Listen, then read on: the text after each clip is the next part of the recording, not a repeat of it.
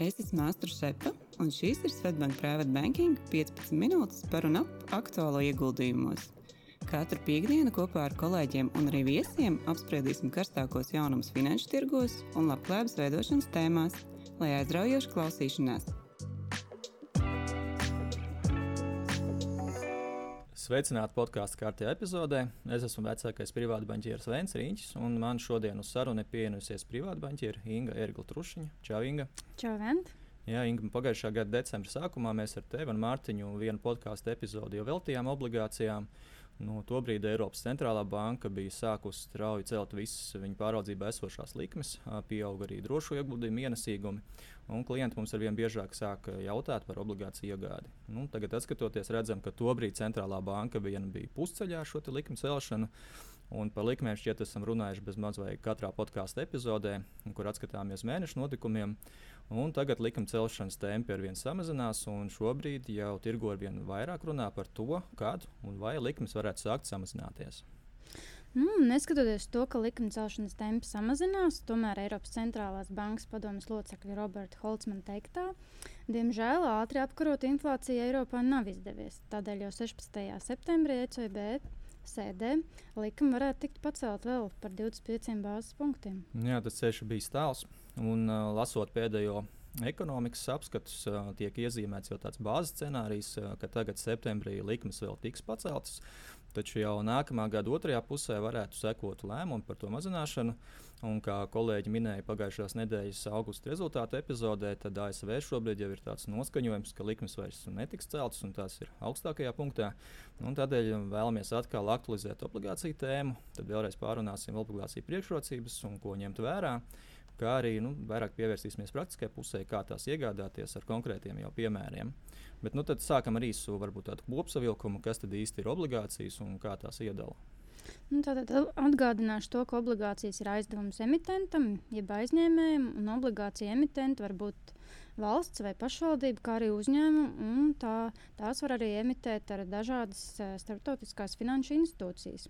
Ieguldītājs var brīvi pirkt un pārdot obligācijas bez nepieciešamības iesaistīt sākotnējus aizņēmēju vai emitentu.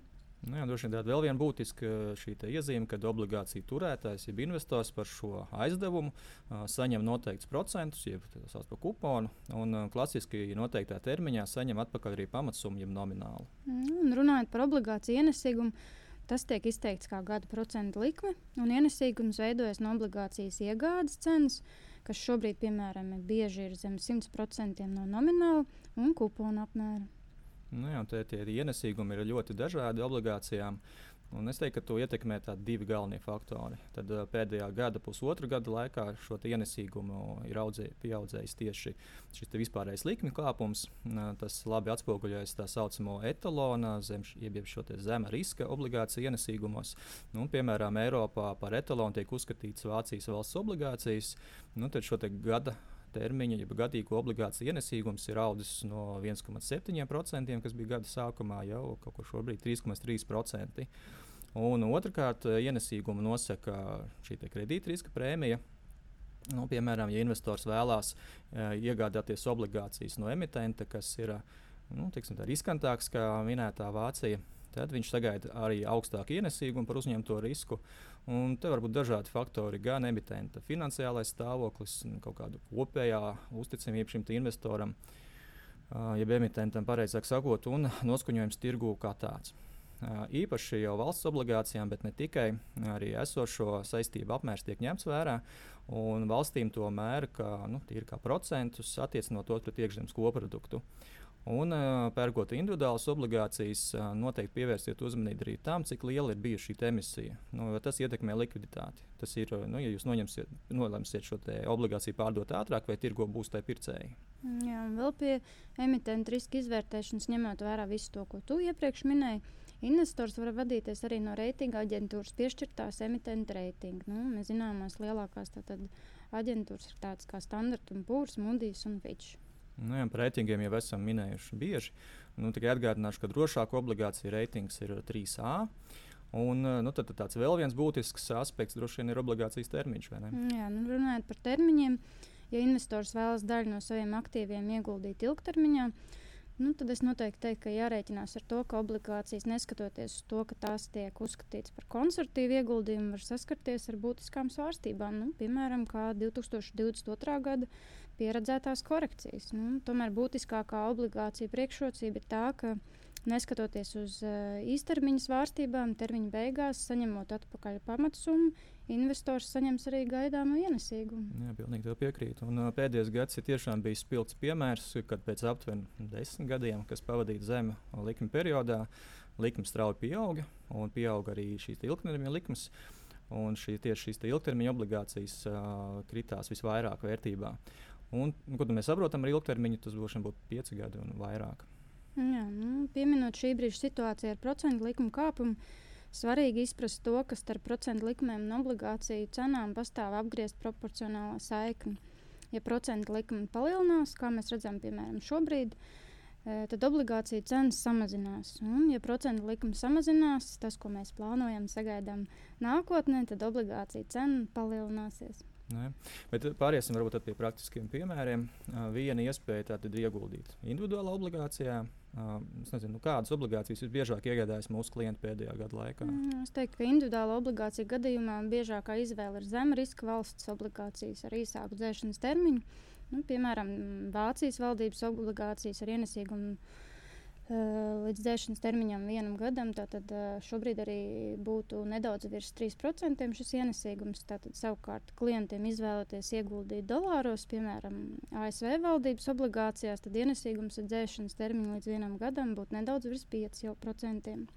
Minēšu arī to, ka dolāra obligācijas pieejamas arī dažādām e, Eiropas Savienības valstīm, piemēram, nu, Polija, Rumānija vai Ungārija Un tad noteikti arī atgādināšu par to, ka izvēloties Eiropas Savienības valdību obligācijas, Eiropas Savienības pilsoņiem ienākumi no obligācijām netiek aplikti ar nodokli. Un es teiktu, ka tas ir bijis viens no būtiskiem iemesliem par labu Eiropas Savienības valdības emitētu obligāciju iegādai starp depozītu. Nu jā, pilnīgi piekrītu. Un, uh, tā iezīmējas arī šīm drošajām obligācijām tāda interesanta.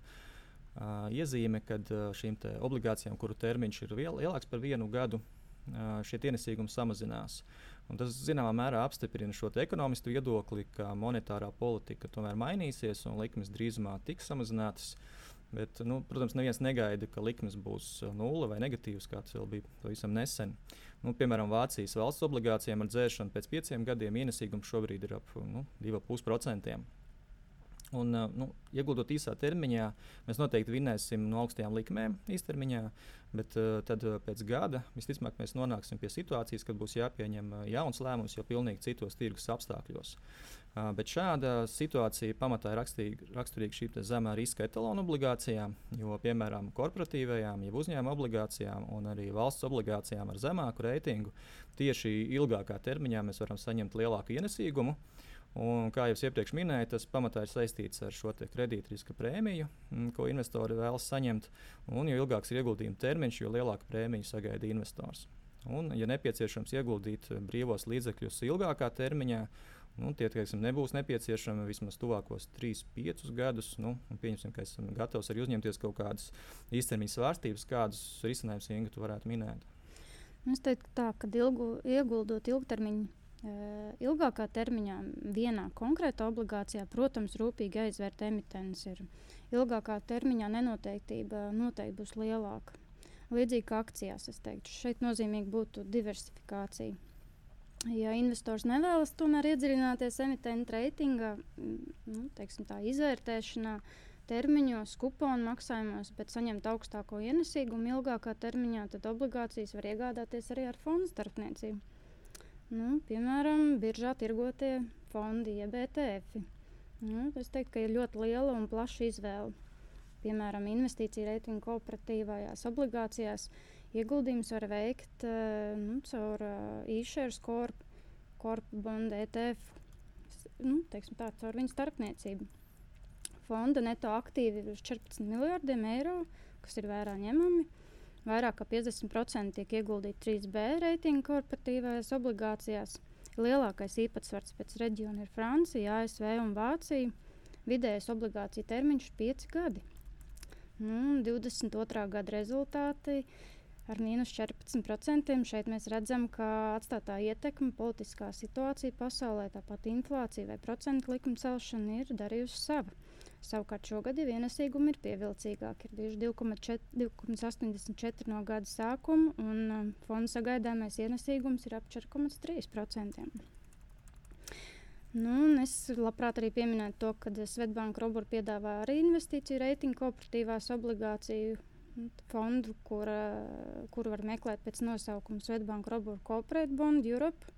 Šim fondam uh, obligācija termiņš ir līdzīgs, vidēji 5 gadi.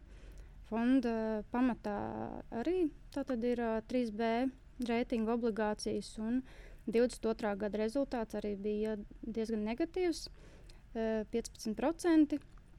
Savukārt no gada sākuma šie rādītāji ir pozitīvi, ir tātad plus 3% un sagaidāmais ienesīgums ir 4,5%. Jā, diezgan, diezgan laba likme. Jā. Bet, ja teiksim, man kā investoram riska apetīte ir augstāka, tad noteikti varu arī skatīties uz augstu ienesīgumu, jeb tā saucamajām high yield korporatīvām obligācijām. Uh, Šeit sagaidāmais ienesīgums jau ir krietni augstāks, virs 7%. Tomēr šāda veida obligāciju fonds būs svārstīgāks, it īpaši, ja tirgu būs kaut kādi noskaņojumi, pasliktināšanās. Nu, tas tādēļ, ka ilgā, ilgākā termiņā lielāka daļa šo uzņēmumu, kas ir emitējuši obligācijas, var nonākt restruktūrizācijas procesā vai arī nu, gal galā kļūt maksātnespējīgi.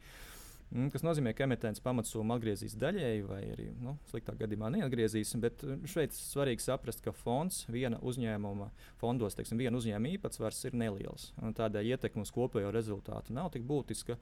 Un otrkārt, kas pat varbūt ir svarīgāk, ka augstāka likme investoram jau kompensē šo iespējamību.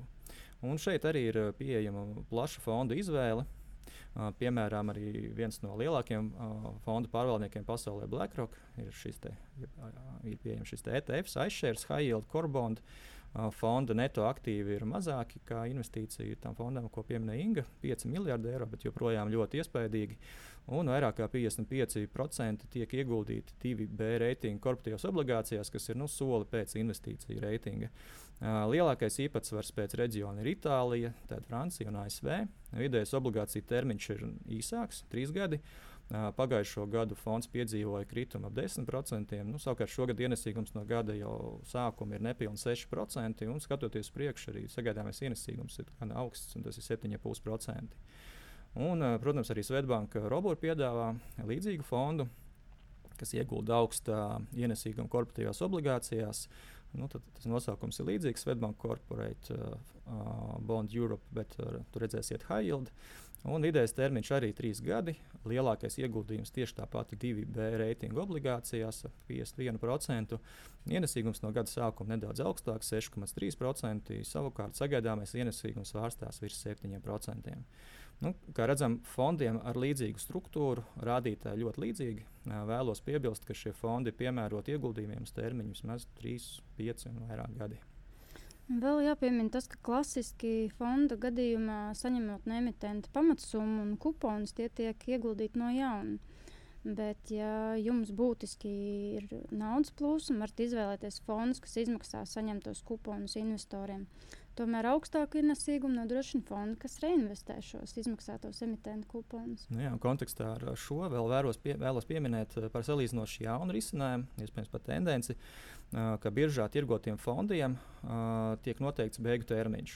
Un šādu iespēju varat izmantot, ja jums ir zināmi konkrēti mērķi un termiņi, kad ieguldītie līdzekļi būs nepieciešami. Piemēram, kopš augusta sākumā šis pats aizšērs Uh, ir palaidis, nu, teiksim, tā, palaidis jā, divus investīciju reitingu korporatīvos uh, obligāciju fondus. Uh, viens tātad veidots no obligācijām, uh, kuru termiņš ir 2026. gadā. Uh, un paša šī fonda termiņš ir 27. gada janvāris. Un otrs fonds ir nedaudz uh, ilgāku termiņu. Uh, tad šai fondā ir obligācijas, kur termiņš ir 28. gads, un uh, paša fond, fonds noslēdzas 2029. gada janvārī. Nu, ņemot vērā, ka fondi izveidoti tikko, pagaidām aktīva apjoma vēl nav ļoti lieli, bet abu fondu sagaidāmais ienesīgums ir ap 4% gadā.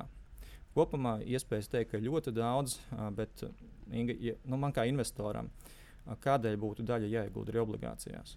Jā, nu man tas teiks tā, ka obligācijas ir piemērots instruments salīdzinoši īsam ieguldījumu horizontam un investoriem ar nu, zemāku risku toleranci. Un, un investors var arī prognozēt savu naudas plūsmu salīdzinoši, jo šeit būs zemāka riska svārstības. Un, un kā mēs ar manu kolēģi Māju vienā no epizodēm jau runājām, uh, ka veidojot savu ieguldījumu portfeli, ir ļoti svarīgi ņemt vērā diversifikāciju ieguldījumos. Vai tas būtu starp vērtspapīriem, izvēloties dažādas klases vērtspapīrus, vai atkal uzticot pārvaldniekam pārvaldīt jūsu aktīvus.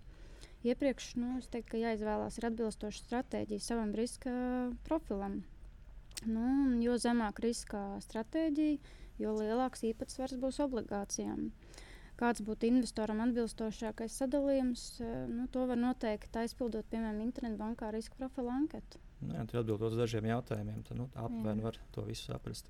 Bet, nu, jā, tad varam ieguldīt gan individuālās obligācijās, varam izmantot šos fondus, kas mums piedāvā lielisku diversifikācijas iespēju. Nu, Tādai arī varam mazināt šī viena emitentu risku. Uh, nu, ienesīgumi, es teiktu, ir sasnieguši līmeņus, kas ir ļoti pievilcīgi, kā salīdzinoši drošam ieguldījumam.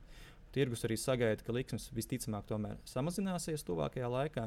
Mums šobrīd ir iespēja ieguldīt īstermiņā, vai arī brīvos līdzekļus ieguldīt uz ilgāku laiku, atbilstoši saviem mērķiem, un piefiksēt, piefiksēt šī, te, nu, šī brīža augstās ienesīguma likmes uz ilgāku periodu.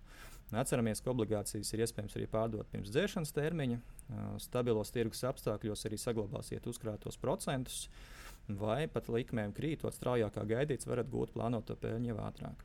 Nu, meklējiet informāciju gan bankas mājaslapā, gan jautājiet savam privātam banķierim. Atgādinu, ka par obligācijām diskutējām arī pagājušā gada 10, 9. decembra epizodē. Nu, tad, Inga, paldies tev par sarunu un tikšanos Jā, nākamajās paldies, epizodēs. Paldies, vislabāk! Audio saturā dzirdētā informācija nav uzskatāms par ieguldījumu konsultāciju vai ieteikumu slēgt finanšu tirgus darījumus vai ieguldīt finanšu instrumentos. Paldies, ka klausījāties! Lai izdevusies diena un uz tikšanos nākamajā sarunā!